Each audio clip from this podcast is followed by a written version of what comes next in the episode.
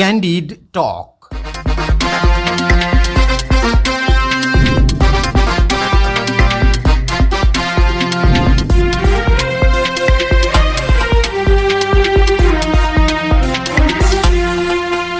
नमस्कार क्यान्डिड टकमा तपाईँलाई स्वागत छ म तेजेन्द्र काफले। रेडियो क्यान्डिडको प्रस्तुति कार्यक्रम क्यान्डिड टक तपाईँले शनिबार बाहेक हरेक दिन बिहान साढे छ बजेबाट आधा घन्टासम्म सुन्दै आइरहनु भएको छ। समसामयिक विषयमा कुराकानी हुने यो कार्यक्रम तपाईँले काठमाडौँ उपत्यका र आसपासका जिल्लामा ninety two point seven mega हर्जमा radio क्यान्डिडको आधिकारिक फेसबुक पेजमा हाम्रो पात्रमा रेडियो क्यान्डिडको एप्स डाउनलोड गरेर र पोडकास्टमा समेत सुन्न सक्नुहुन्छ। श्रोता यी बेला फेरि राष्ट्रिय राजनीति धुमिल बनेको छ। प्रतिनिधि सभा अवरुद्ध छ राष्ट्रिय सभामा एमालेको विरोध कायम छ। सभामुखको कार्यशैलीमाथि प्रश्न उठाउँदै एमाले सांसदले राजीनामा मागिरहेका छन्। प्रतिनिधि सभाले बजेटको प्रतिस्थापन विधेयक पारित गर्न नसक्दा बजेट क्राइसिस जारी छ। मन्त्रीमण्डलले पूर्णता पाउन सकिरहेको छैन। राष्ट्रिय एजेन्डाहरू भद्रगोलको अवस्थामा छन्। राज्य संयन्त्र निज प्रभावी देखिन्छ। तर सरकार र सम्बन्धित निकाय यो प्रति गम्भीर बनेको पाइँदैन। सहमति खोज्न भन्दै एक साताका लागि स्थगित संसद आज बस्दैछ तर समस्या जिउ कात्यौँ छ। आजको कार्यक्रम क्यान्डी टकमा हामी यिनै राजनैतिक विषयमा केन्द्रित रहेर पूर्व राजदूत एवं राजनैतिक विश्लेषक विजयकान्त कर्णसँग कुराकानी गर्दैछौँ। कुराकानीका लागि उहाँ यो बेला हाम्रो टेलिफोन सम्पर्कमा हुनुहुन्छ। कडज्यू यहाँलाई क्यान्डी टकमा स्वागत छ। धन्यवाद। यो सुरुवातमा त राष्ट्रिय राजनीतिको वर्तमान अवस्थाबारे यहाँको धारणा विश्लेषण के हो? नेपालको राजनीति वर्तमान अवस्था साह्रै अप्ठ्यारो अवस्थामा छ। अप्ठ्यारो मैले भन्दाखेरि तिन चार अवस्थामा मैले अप्ठ्यारो देखेँ हजुर पहिलो अवस्था गभर्नेन्स जुन जनताको न्यूनतम आवश्यकताहरू औषधि भ्याक्सिन बाटोघाटो सामान्य कुराहरू त्यो साह्रै एकदमै पेथेटिक साह्रै दयनीय अवस्थामा छ। जनताप्रति रिस्पोन्सिबिलिटी हुने अवस्था देखिया छैन। भ्याक्सिनको जरुर पनि सङ्ख्या बढेको छ। म धन्यवाद दिन चाहन्छु प्रधानमन्त्री शेरबहादुर देउवा र उमेशजीलाई कि जसले कमसेकम अहिले चाहिँ आएर भ्याक्सिन तर त्यो भ्याक्सिनले मात्र पुगेन। यहाँ हस्पिटलमा हामी भर्खर चार महिना मात्र भएछ। जहाँ अक्सिजनको हाहाकार थियो जहाँ भेन्टिलेटरको हाहाकार थियो जहाँ औषधिको हाहाकार थियो। हुनसक्छ चार महिनापछि फेरि हामी त्यस्तो अवस्थामा जाउँ। त्यसको कुनै तयारी छैन। लाखौँ जनता बेरोजगार भएर भारतबाट र विदेशबाट आए। कति बाटोमा भोकै मरे कहाँ बिल्ली बाँट भयो त्यो मजदुरहरूको बारेमा कसैले सोच्ने फुर्सद छैन। त्यसैले म एउटा नागरिकको रूपमा हेर्दाखेरि मलाई साह्रै दुःख लागेर भन्नुपर्छ कि मैले कहीँ पनि राम्रो अवस्था त राजनीति? यो यसको कारण के हो भने जनउत्तरदायी सरकारको निर्माण हुन नसक्नु हो। हजुर। राजनीतिक दलहरू जनताप्रति उत्तरदायी हुन नसक्ने। नेपालको ब्युरोक्रेसी जनता भन्दा पनि लुटमा जनताको पैसा लुट्नमा भ्रष्टाचार गर्नमा पूर्ण सरकार तलदेखि माथिसम्म राष्ट्रपतिदेखि तल्लो निकायको गाउँपालिकाको पिउनसम्म। आज पाँचजना इमान्दार मान्छे खोज्नु पर्यो भने बहुत अप्ठ्यारो हुन्छ। हजुर हजुर हजुर। सबैलाई राज्यको सम्पत्ति लुट्नुपर्छ त्यो भावना विकास भएको छ। एउटा त्यो कारण हो। अर्को यो संविधान बनिसकेपछि जुन निर्वाचन भयो गाउँपालिकाहरूको स्थानीय तहको त्यसपछि प्रान्तको र केन्द्र सरकारको। त्यसपछि केन्द्रमा जुन सरकार बनो र छवटा प्रान्तमा जुन सरकारहरू बनो एउटा पार्टीको वर्चस्व थियो संसदमा सबै ठाउँमा। त्यो पार्टीले यो म्यान्डेटलाई के बुझ्यो भने कि यो म्यान्डेट मलाई चाहिँ जनताले जे मनलाई त्यही गर्नलाई दिएको हो भने खडक प्रसाद ओलीजीले साढे तिन वर्षमा नेपालको संविधान कानुन राजनीतिक व्यवस्था दलको सम्बन्ध दल र जनताको सम्बन्ध सरकार र जनताको सम्बन्ध त्यो सबैलाई सत्यानाशै पुर्याइदियो। त्यसैले त्यसको परिणाम अहिलेको सरकारको पनि त्यति राम्रो कुनै पर्फर्मेन्स भएको देख्दिनँ म। हजुर हजुर यो सरकार त यति अप्ठ्यारोमा छ त्यसको निर्माण अप्ठ्यारो गरी भएको त्यसको अप्ठ्यारो किन छ भने यो जुन दलहरू मिलेर सरकार बनेछ यो नेकपा एमालेको त्यो निरङ्कुशताको विरुद्धमा रहेका केही दलहरू एक ठाउँमा जम्मा भएका। हिजो यी दलहरू पनि त्यहाँ यसमध्येका कतिपय दलहरू त्यहाँ हिजो सरकारमा थिए। त्यो रिस्पोन्सिबल छन् हिजोका ओलीका अधिनायकवाद जन्माउनमा त्यसलाई अगाडि बढाउनमा ती नेताहरू पनि रेस्पोन्सिबल छन् ती दलहरू पनि रेस्पोन्सिबल छन्। तर पछि आएर रियलाइज भयो के अरे त्यसले गर्दा। त्यो अवस्था भयो। त्यसैले सरकारको आफ्नो अस्तित्व बचाउने जुन छ त्यो प्रयत्नमा जनता चाहिँ निरी बनेर गएको छ। आज तिनवटा स्थिति म देख्छु। पहिलो स्थिति सरकार पूर्ण रूपमा बन्न नसकेको कारण ती कोलिसन पार्टनरहरूको आफ्नो अस्तित्वको जुन लडाइँ छ त्यसमा लड्दै गर्दाखेरि त्यो अवस्था निर्माण भएको छ। दोस्रो छ नेपाली कङ्ग्रेसको यही टाइममा भइरहेको महाधिवेशन। म राजनीतिक दलको महाधिवेशनलाई पर्वको रूपमा एउटा उमङ्गको रूपमा राजनीतिक उत्साह र उमङ्गको रूपमा लिने गर्छौँ। त्यसले जनतामा जाने जनताप्रति पार्टी कार्यकर्ताहरू गएर आफ्नो कार्यकर्ता माथिदेखि तलसम्म गएर राजनीतिक चिन्तन मनन सबै हुने अवसर पनि हो। नेपाली कङ्ग्रेसमा यति साह्रो विवाद र विभिन्न विषयहरूमा छलफल पहिलोचोटि भइरहेको जस्तो लागिरहेछ। तर। पनि जति हुनुपर्ने हो त्यो भइसकेको छैन। प्रधानमन्त्री आफ्नै दलमा आफूलाई सभापति बनाउनेतिर ध्यान दिने कि सरकार चलाउनेतिर ध्यान दिने या कोलिसन पार्टनरहरूको अस्तित्वभित्र आफूलाई कसरी बचाउने कसरी सरकार बनाउने त्यो त्यही त्यसैमा व्यस्त हुनुहुन्छ। त्यसैले यहाँ जनता कुनै ऊ छैन। तेस्रो अवस्था नेपालको वैदेशिक सम्बन्धको भयो छ यो दुई हजार पन्ध्रदेखि अहिलेसम्म आउँदा हामीले हाम्रा छिमेकीहरू र अन्य मित्र राष्ट्रहरूसँगको सम्बन्धलाई यसरी गिजोली दिएका छौँ। तिनको ट्रस्ट लुज गरेका छौँ। त्यो चिन होस् भारतले कसैले पनि विश्वास गर्दैन। अहिले हाम्रो नेताहरूले पनि गर्दैन हामीले देशलाई पनि गर्न छोडिसक्यो अमेरिकासँग पाँच वर्ष अगाडि हामीले सन्धि गरेका छौँ एमसिसी अहिले आएर त्यसको चाहिँ तमासा गर्दैछौँ। सेना ल्याइदिन्छ भन्छ कसैले के भन्छ यो एउटा अर्कै खालको हामीले विभिन्न देशको राजनीतिक शक्तिहरूको आडमा अर्को देशसँगको हाम्रो सम्बन्धलाई प्रभावित कारण गर्ने काम हामी नेपाली राजनीतिक दलहरू नेताहरू त्यसपछि जनता पनि आम जनतालाई पनि यसमा संलग्न गराएको छौँ। यसले भोलिको दिनमा नेपाली जनताको मूलभूत नेपालको राष्ट्रिय हितमा लङ टर्ममा दीर्घकालीन रूपमा के प्रभाव पार्छ कसैले सोचिरहेका छैन हजुर हजुर हजुर। हामीले हिजोको दिनमा गरेका इन्टरनेसनल कमिटमेन्टहरूबाट हामी ब्याक ट्र्याक हुन थाल्यौँ भने के होला भन्ने कसैले सोचेको छैन। हजुर। हामीले दुई हजार एघारमा भारतसँग बिपा गऱ्यौँ यो राष्ट्रघाती हो भनेर हल्ला गरेर अहिलेसम्म कार्यान्वयन गरेनौँ। हामी अमेरिकासँग एमसिसी गऱ्यौँ त्यसको कार्यान्वयन गरेका छैनौँ। हामी चिनसँग बिआरआई गऱ्यौँ त्यसको कार्यान्वयन गर्न सकिरहेका छैनौँ। यी सबै कुराहरूले हामी हाम्रो सम्बन्धहरू युरोपसँग युके जुन कि हाम्रो सबैभन्दा पुरानो पहिलो कुटनीतिक सम्बन्ध भएको देश त्योसँग हाम्रो सम्बन्ध राम्रो छैन। हाम्रो अहिलेको बेलामा भन्ने हो भने हाम्रो कोसँग सम्बन्ध राम्रो छ? भेनेजुएलासँग नर्थ कोरियासँग कोसँग सम्बन्ध राम्रो अब विजयकान्तजी मलाई त जुन रूपमा राजनीतिक कोर्स अगाडि बढेको छ जुन जुन ठाउँमा जुन जुन क्षेत्रमा यहाँले समस्याको उठान गर्नुभयो यो क्षेत्र सहज किन भएर जान सक्दैन? नेपालमा जहिले पनि यस प्रकारका समस्याहरू किन आइरहेछन्? यसको सबैभन्दा महत्त्वपूर्ण कुरो तेजेन्द्रजी के छ भने कि हामी इन्स्टिट्युसन र रुल अफ लमा विश्वास गर्ने नभएर। हजुर। हामी इक्वेलिटीमा विश्वास नगर्ने।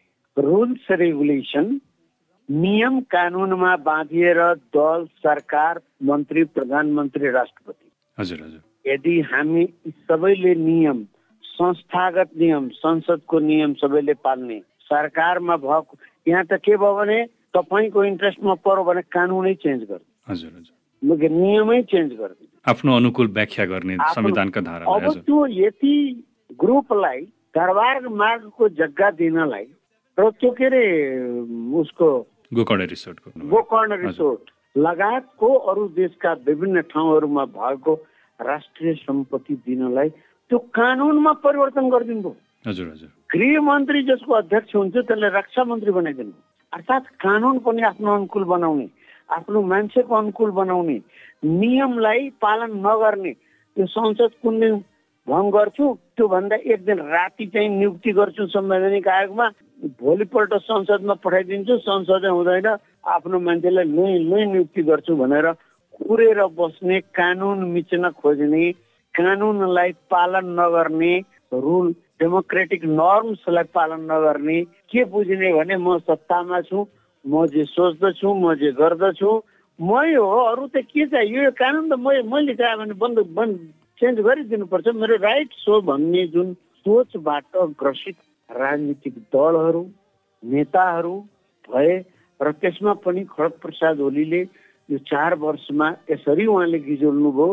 उहाँले चिन र भारत दुइटैसम्म सम्बन्ध बिगाड्नुभयो त्यसपछि उहाँले चाहिँ यो राजनीतिक प्रक्रियालाई संविधान जारी भइसकेपछि त्यसका रुल संवैधानिक आयोग होस् या राजनीतिक दल सम्बन्धी विधेयक होस् या संसदमा संसदमा संविधानले दिएको मौलिक अधिकारहरू प्रेस स्वतन्त्रता सङ्गठनको स्वतन्त्रता फ्री मुभमेन्टको स्वतन्त्रता यो सबैलाई कसरी कर्व गर्न सकिन्छ तिर लाग्नुभयो। यसले गर्दा के भयो भने पिपुल डेमोक्रेटिक प्रोसेसमा जानुपर्छ भन्ने लाग्ने। सरकार अनडेमोक्रेटिक प्रोसेस त्यहाँ कन्फ्लिक्ट भयो। त्यहाँ कसको कसको बिचमा कन्फ्लिक्ट? सरकार र जनताको बिचमा कन्फ्लिक्ट। राष्ट्रपति र संसदको बिचमा कन्फ्लिक्ट। देखियो नि राष्ट्रपतिको विरुद्धमा सभामुख सर्वोच्च अदालत गयो त हो कि होइन? होइन? अब राष्ट्र प्रमुखको विरुद्धमा संसद संसद भर्सेज राष्ट्र प्रमुख भयो।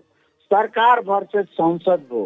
विपक्षी दल भर्सेज सरकार भयो। यो राजनीतिक नागरिकहरू सडकमा आए। अर्थात् यो अवस्था निर्माण हुनमा कहाँ गल्ती बुझाइरहेछ खडग प्रसाद ओलीको चाहे शेरबहादुर देउबाको या प्रचण्डजीहरूको या उहाँहरूको दलका नेताहरूको पनि।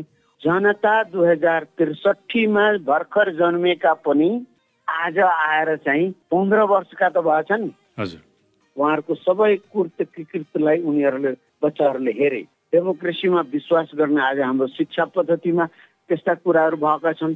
कतिपय कुराहरूमा डेमोक्रेटिक नर्म्सहरू भएका छन् अब राजनीतिक दलहरू कसरी विश्लेषण गर्दैछन् भने हिजोका दिनमा संसदीय प्रणालीमा धावा बोलियो सर्वोच्च अदालतले ट्र्याक दियो।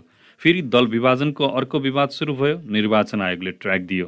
अहिले प्रतिनिधि सभा अवरुद्ध छ। यसरी नै राजनीतिक कोर्स अगाडि बढ्छ कि यसमा सुधारका सङ्केतहरू केही देख्नुहुन्छ तपाईँ? यो कुरो के हो भने तपाईँलाई म एउटा कुरो भन्छु। हजुर। तपाईँले भन्नुभयो नि यो जुन देखियो यो सबै कुराहरू राजनीतिक दलले सत्ता प्राप्तिको माध्यम के बुझे भने कि सत्ता प्राप्तिपछि आफ्नो मान्छे आफ्नो परिवार आफ्नो घर आफ्नो व्यापारी जनतालाई केन्द्रमा राखेर काम गरेको भए अवस्था हुँदै हुँदैन। केन्द्रमा राख्ने सबैभन्दा केन्द्रबिन्दु के हो भने कानुनको पालन गर्ने। हजुर। कानुनलाई डेमोक्रेटिक तरिकाले पास गर्ने। त्यो डेमोक्रेटिक प्रोसेसमा जाने यो कुराहरू नेपालका राजनीतिक दलहरूले नबुझेका होइन। तर गल्ती कहाँ भयो भने लगभग दुई तिहाईको जुन बहुमत नेकपा एमाले र माओवादी संयुक्तको इलेक्सन क्याम्पेनमा प्राप्त भएपछि त्यसलाई खडग प्रसाद ओलीजीले के बुझ्यो भने यो मेरो भोट हो। म त यो देशको सर्वोच्च नेता हो। यो कुरो के रहेछ भने एउटा के हामीले एउटा नयाँ डेभलपमेन्ट के देखियो भने हिजोको दिनमा निरङ्कुशता राजाको मात्र देखेका थियौँ हजुर। तर एउटा कुरो गर्ने जनताबाट निर्वाचित पनि निरङ्कुश बन्न खोज्छ है यो हाम्रो एक्सपिरियन्स भयो जुन पाकिस्तानमा बङ्गलादेशमा श्रीलङ्कामा भइसकेको। नेपालमा भएको थिएन निर्वाचित कोही निरङ्कुश हुने कोसिस पनि गरेका थिएन। भारतमा त कहिले भएकै छैन। इन्दिरा गान्धीको पन्ध्र महिना कोसिस गरेका थिइन् त्यसलाई जनताले पन्ध्र महिनामै पाठ सिके यो पछिल्लो राजनीतिक कोर्स जसरी अगाडि बढेको छ अहिले सरसर्ती हेर्दाखेरि हामी सर्वसाधारणले बुझ्ने गरेको एउटा प्रतिनिधि सभाको अवरोधलाई मात्रै लिन सकिन्छ। सरकार मन्त्री परिषद विस्तार हुन सकिरहेको छैन। त्यसमा आन्तरिक कुराहरू गुह्य कुराहरू फरक होलान् जुन बाहिर आउन बाँकी छ। प्रतिनिधि सभामा एमाले जुन माग उठाएर प्रतिनिधि सभाको यो जारी अधिवेशनको पहिलो सत्रदेखि पहिलो बैठकदेखि अवरुद्ध गरिरहेको छ यो एमालेको मागमा तपाईँको टिप्पणी के रहन्छ? यो नेकपा एमाले आफ्नो पीडाबाट मुक्त हुन नसकेको। नेकपा माले एउटा कुरोबाट के बुझ्नु पर्यो भने उसको पार्टी विभाजन भएको। उसको पार्टी दुईचोटि विभाजन भयो। पहिलो विभाजन सर्वोच्च अदालतको आदेशबाट खडग प्रसाद ओलीजी खुसी भएर त्यसलाई स्वीकार्नुभयो हजुर हजुर। जब नेकपा माओवादीलाई र उसलाई अलग गरिदिएपछि उहाँ एकदम उत्साहित भएर एकदमै स्वीकार्नुभयो तर जब उहाँको आफ्नै पार्टीमा माधव नेपालजीको समूह हामी अलग हुन्छौँ भने त्यसलाई स्वीकार गर्न सकिराख्नु भएको छैन। यो राजनीतिक इमान्दारी त होइन किनभने उहाँले आफैले के भन्नुभयो एकचोटि भने माधव नेपालजीहरू यदि दल यसबाट जान चाहनुहुन्छ भने उहाँहरूको लागि म कानुन ल्याएर उहाँहरूलाई म फेसिलिटेट गरिदिन सक्छु भने उहाँले नेपालको नेसनल टेलिभिजनमा इन्टरभ्यूमा भन्नुभएको मैले सुनेको छु त्यो प्रयास स्वरूप अध्यादेश पनि आएकै थियो। उहाँलाई जसलाई मन लाग्छ त्यो भयो हुन्छ मलाई आएर भन्नुहोस् न म गरिदिन्छु व्यवस्था भनेर भने होइन। हजुर। आज भयो के भने उहाँलाई अब अहिले चाहिँ रियलाइज भएको छ कि हामी चाहिँ हामीलाई चाहिँ अप्ठ्यारो भयो भनेर। त्यसैले उहाँ अहिले चाहिँ के गरिराख्नु भएको छ भने कि संसदलाई अवरुद्ध गरेर संसदीय प्रक्रिया अगाडि नबढ्न बढ्न दिने डेमोक्रेटिक प्रोसेसै अगाडि बढ्न नदिने भने। यसले हुन्छ के भने यसले शेरबहादुरजीलाई सहयोग पुग्छ। र शेरबहादुरजीलाई पनि गलत कानुनहरू पास गर्न जनताको विरोधमा केही कानुनहरू पास गर्न सहयोग गर्छ। यो हिजोको दिनहरूमा संसदमा बजेटमाथि छलफल नभएर बजेट पास भएको मैले देखेको छु। विधेयकहरू यस नो भन्नुहोस् विरोध हुँदा हुँदै विपक्ष हल्ला गर्दा गर्दै पास भएको देखिया छ त्यसले गलत कानुन पास हुन जान्छ। फेरि पनि जनता व्यक्ति हुने। अनि सभामुखको भूमिका चाहिँ जुन रूपमा एमाले अहिले आवाज उठाइरहेको छ सभामुखको भूमिकालाई लिएर राजीनामा जुन मागिरहेको छ। अपशब्दहरू मलाई दुःख लाग्छ कि? सभा मैले कहिले काहीँ राष्ट्रपतिको बारेमा बोल्दाखेरि मलाई बहुत दुःख लाग्छ। हजुर हजुर। राष्ट्रपतिले जुन किसिमको राष्ट्रपति भवनलाई पार्टी अफिस बनाइदिनु भयो र उहाँले पार्टी त्यो मलाई बहुत दुःख लाग्छ। सभामुख भनेको जनताको सर्वोच्च निकायको प्रमुख हो। हजुर। अत्यन्त आदरणीय म राष्ट्रपति र प्रधानमन्त्री भन्दा पनि बढी रेस्पेक्टफुल पोस्ट सभामुखलाई देख्छु। म यो मर्यादा क्रमको कुरा गरे होइन। हजुर हजुर हजुर। तिन करोड जनताको प्रतिनिधित्व गर्ने डाइरेक्ट निर्वाचित प्रतिनिधिहरूको प्रमुख भएर बसेको व्यक्ति हो। जसले राष्ट्रपति पनि निर्वाचन गर्छ जसले प्रधानमन्त्री पनि निर्वाचन गर्छ। हजुर। त संसद भनेको त हाम्रो देशको सबैभन्दा सर्वोच्च संस्था हो। जहाँ राष्ट्रपतिले पनि टाउको झुकाउनु पर्ने हुन्छ राष्ट्रपतिले पनि भोट माग्न जानुपर्ने हुन्छ त्यस्तो संस्थाको प्रमुख प्रति जुन किसिमको अपशब्दहरू आज एक दुई हप्तादेखि प्रयोग भइरहेका छन् त्यो अत्यन्त दुःखदायी कुरो म सभामुखले संसदको भित्रको भएको नियम विनियमको प्रयोग गरिनुपर्छ जस्तो लाग्छ मलाई। विरोध गर्ने मैले देखेको थिएँ प्रथम सभामुख दुई हजार अडचालिस सालपछिको एमाले दिनभरि नारा लगाएको आठ घन्टा नारा लगाउन दिनुभएको थियो सभामुख दमननाथ ढुङ्गाना र महन्त ठाकुरजीले। तर भोलिपल्ट यो भयो भने म बर्दास्त गर्न सक्दिनँ है भनेर उहाँले मदन भण्डारी लगायत मनमोहन अधिकारी लगायत सबै नेताहरूलाई बोलाएर भन्नुभयो। यो तपाईँहरूको आज डेमोक्रेटिक राइट्स हो म आज दिनभरिलाई बर्दास्त गरेँ। यो तपाईँहरूलाई दिनभरि गर्नु भोलि यदि यही भयो भने म सदन सुचारू गर्छु र म तपाईँहरू यो नियम कानुन म तपाईँहरूले बनाएकै नियमावलीको प्रयोग गर्छु भनेर भने। त्यसो भए बजेट क्राइसिस सुरु हुनुमा मुख्य जिम्मेवार एमाले भयो होइन यहाँको विश्लेषणमा? होइन बजेट क्राइसिसमा मलाई के लाग्छ भने बजेट अब यसरी पास गर्न त म भन्न सक्दिनँ। हजुर। यसरी चाहिँ बिना छलफलको बजेट पास हुनु हुँदैन। तर बजेट चाहिँ त्यो दिन एउटा कुरो के भन्यो भने जसरी बजेट प्रस्तुत भयो त कम से कम त्यो पहिलो जुन एउटा के भन्छ नि त्यो पास गर्ने बिल चाहिँ सरकारलाई खर्च गर्ने बजेट पास भएर भन्दा अगाडि जुन पास गर्ने भन्छ नि त्यो चाहिँ गर्नु पर्थ्यो त्यही दिन। हजुर हजुर हजुर। त्यो नगरेर देशलाई धेरै ठुलो घाटा भयो। देशलाई अप्ठ्यारो भयो। हजुर। देशलाई अप्ठ्यारो स्थितिमा पार्नु हुँदैन थियो। यो पहिले पनि भएको स्थिति छ। पहिले पहिले पनि अध्यादेश जारी गर्न नदिएर बाबुरामजीको सरकारलाई रामवरणजीले रोकेर यस्तै सुरेन्द्र पाण्डेजी संसदमा बजेट पेश गर्न लाग्दाखेरि उहाँमाथि आक्रमण गरेर यस्ता कुराहरू हाम्रो यो संसदको नयाँ कुरै होइन। सबै दलहरू कहीँ न कहीँ संलग्न भएका छन्। अवस्थामा मलाई भन्नुहुन्छ भने नेकपा एमाले र त्यसको नेता खडग प्रसाद ओलीजी यसको लागि जिम्मेवारी लिनै पर्छ। अहिले तपाईँ नाइन्टी टू पोइन्ट सेभेन मेगाहर्जमा रेडियो क्यान्डिडेट सुनिरहनु भएको छ। आजको कार्यक्रम क्यान्डिडेट टकमा हामी पूर्व राजदूत एवं राजनैतिक विश्लेषक विजयकान्त कर्णसँग कुराकानी गरिरहेका छौँ। अब विजयकान्तज्यू जसरी राजनैतिक परिदृश्यहरू अगाडि बढिरहेका छन् जसरी राजनैतिक कोर सहज रूपमा अगाडि जानुपर्ने थियो। एकपछि अर्को अर्को पछि अर्को गर्दै समस्याहरू मात्रै थपिँदै थपिँदै गइरहेका छन्। फरक सिद्धान्त र विचार बोकेका दलहरू हामीसँग छन्। राष्ट्रिय दलका रूपमा छन् विभाजन हुँदैछन् राष्ट्रिय दलको मान्यता पाउँदैछन्। तर समान सिद्धान्तभित्र पनि किन दलीय विवाद कायम रहन्छ? के छ यो विषयमा यहाँको बुझाइ? सबभन्दा पहिले त नेपालका राजनीतिक दलका नेता र कार्यकर्ताहरू आफ्नो आफ्नो पार्टीले बोकेको सिद्धान्तप्रति त्यति निष्ठावान छन् भन्ने कुरोमा मलाई भन्न अप्ठ्यारो हुन्छ।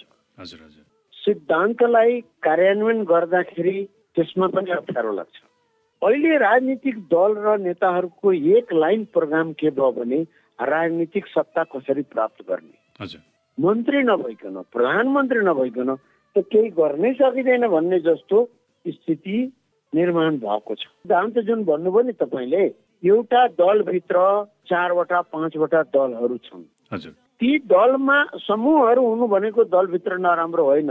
ती नै समूहहरू हिजोका दिनमा राजनीतिक दलको मूल आधार त्यही समूहहरूबाट फ्रान्सको क्याफेमा कफी पिउँदै पिउँदै बनेका समूहहरूबाट राजनीतिक दल बनेका हुन् होइन? तर मलाई के लाग्छ भने राजनीतिक दललाई रिओरिएन्ट गर्न बहुत जरुरी छ। नेताहरूले आफूलाई एकचोटि मूल्याङ्कन गर्न बहुत जरुरी छ आफ्नो कर्महरूलाई आफ्नो कुराहरूलाई। यहाँ अहिले के देखिराखेको छ भने सबैको दौड सत्ता कसरी प्राप्त गर्ने हजुर हजुर हजुर। जो विपक्षमा छ त्यो विपक्षमा रहन चाहँदैन। जो सत्तामा छ त्यसले चाहिँ राम्रो काम गर्न चाहँदैन। त्यसले कसरी लुट्न सकिन्छ त्यतातिर लागेको छ। त्यसैले सिद्धान्त त अहिले कुनै राजनीतिक दलको छँदै छैन मलाई भन्नुहुन्छ भने राजनीतिक दलहरूको आफूले भनेको सिद्धान्त र गरेको कारवाहीमा हेर्नुभयो भने त एउटा रिसर्च गर्ने हो भने त गजब रिजल्ट आउँछ। हजुर हजुर अर्को तपाईँले भन्नुभयो नि यो यस्तो छ यसरी किन भइरहेको छ भनेर भन्नुभयो है। हजुर। तपाईँले सुरुको घर जुन छ नि पिलर बनाएर तल चाहिँ बहुत ठुलो स्टोनहरू के के के के राखेर इन्जिनियर बोलाएर एकदम पक्ने गरेर मजाले बनाउँछ नि। हजुर। त्यसपछि माथि माथि घर थप्नुभयो भने त्यो घर लामो समय चल्छ। यहाँ भएछ के भने तलैबाट सिमेन्टी चोरी गरिदिने कि त्यो ढुङ्गाको साटो माटो हालिदिने। अनि इँटा हालिदिने। अनि त्यहीबाट सिमेन्टी पाँच बेला हाल्नु भनेको छ भने दुई बेला हालिदिने तिन बेला बरु माटो हालिदिने। यो जुन भइराखेको छ राजनीतिक दलहरूमा आज हेर्नुहोस् न काङ्ग्रेसको। काङ्ग्रेसको अहिले वडा समिति वडा अधिवेशन सिद्धिनु पर्ने भएको छैन नगर अधिवेशन भइराखेको छैन। पचासौँवटा जिल्लामा विवाद छ अनसन छ दुनियाँ लफडा छ। पार्टी त रोज सदस्यता यति है हाम्रो सदस्यता यति भयो। वेबसाइटमा त्यो बिजुलीको के अरे हाम्रो उसमा राखिदिन्छ नि टाइम भने जस्तै। हजुर हजुर। त्यो उहाँको पार्टी अफिसमा अहिले त यति कम्प्युटर छ। रोल्पामा तिनजना सदस्य भयो भने ठ्याक्क त्यहाँ ठ्याक्क आउँथ्यो। अरे पाँच लाख तिन हजार तिन सय भयो है आज चाहिँ। त्यसले के बिगाड्छ होइन। कसरी आफ्नो सङ्ख्या बढाएर त्यसको आधारमा भोटमा चोरी गर्न सकिन्छ भन्नेतिर लागेका हुन् सबै। हजुर हजुर। सुरुदेखि तपाईँलाई भन्दैछु गेम अफ द रुल हजुर। इक्वेलिटीको बेसिसमा बनाइएका कानुनहरूलाई तपाईँले पालन गर्नु भएन र कानुन मिच्न र कानुनलाई रोक्न चोर बाटो खोज्न थाल्नुभयो भने यो समस्याहरू। कणजी यो जुन रूपमा हामीले पछिल्लो यो सिद्धान्त समानता दलहरूको विषयमा कुराकानी गरिरहेका थियौँ त्यसैमा जोड्न चाहेँ मैले यो एकअर्काको अस्तित्व स्वीकार्न दलहरूलाई किन यति धेरै हम्बे हम्बे परेको होला? हेर्नुहोस् यो कुरो के भयो भने राजनीति हामी कहाँ व्यवसाय भयो? हजुर। राजनीतिमा लगानी गर्ने लगानी गराउने हिजोको दिनमा व्यापार जसरी भएको थियो त्यस्तो हुन थालेछ राजनीतिक दलमा मन्त्री बनाउन चुनाव लड्न लडाउन देशका अत्यन्त करप्ट बिचौलियाहरू ठुलो ठुलो बिजनेस घरानाहरू लगानी गर्न थाले। हजुर।